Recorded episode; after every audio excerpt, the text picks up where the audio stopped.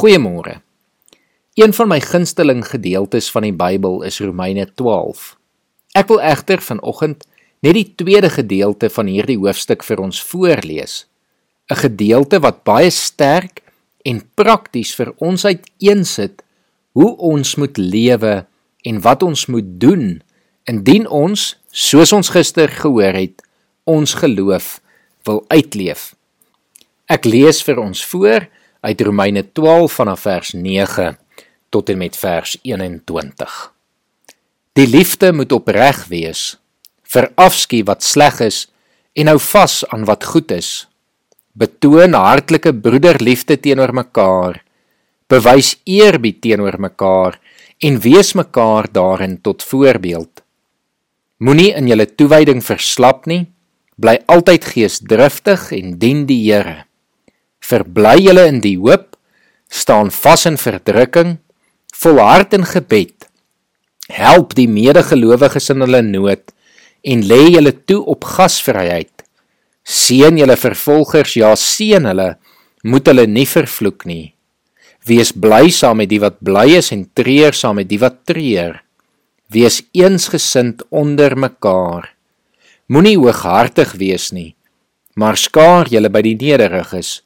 Moenie eie wys wees nie. Moenie kwaad met kwaad vergeld nie.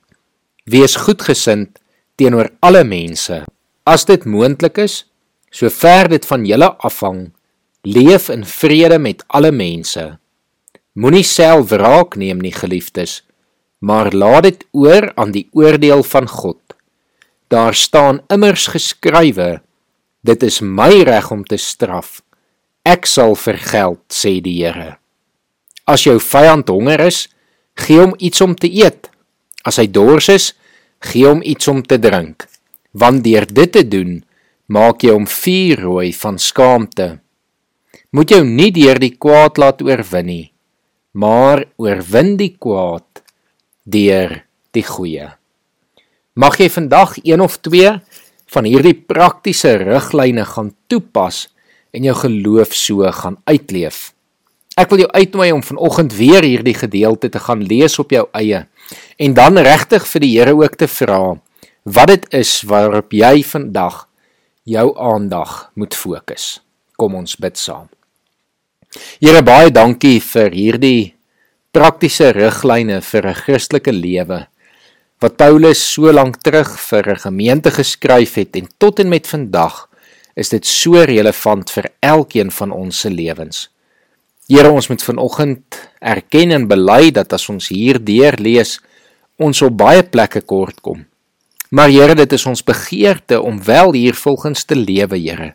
Want dit is ons wil om volgens U wil te kan leef en met ons hele lewe te getuig van ons geloof in U. Lei ons deur die Gees, Here, en help ons vandag daarin. Amen.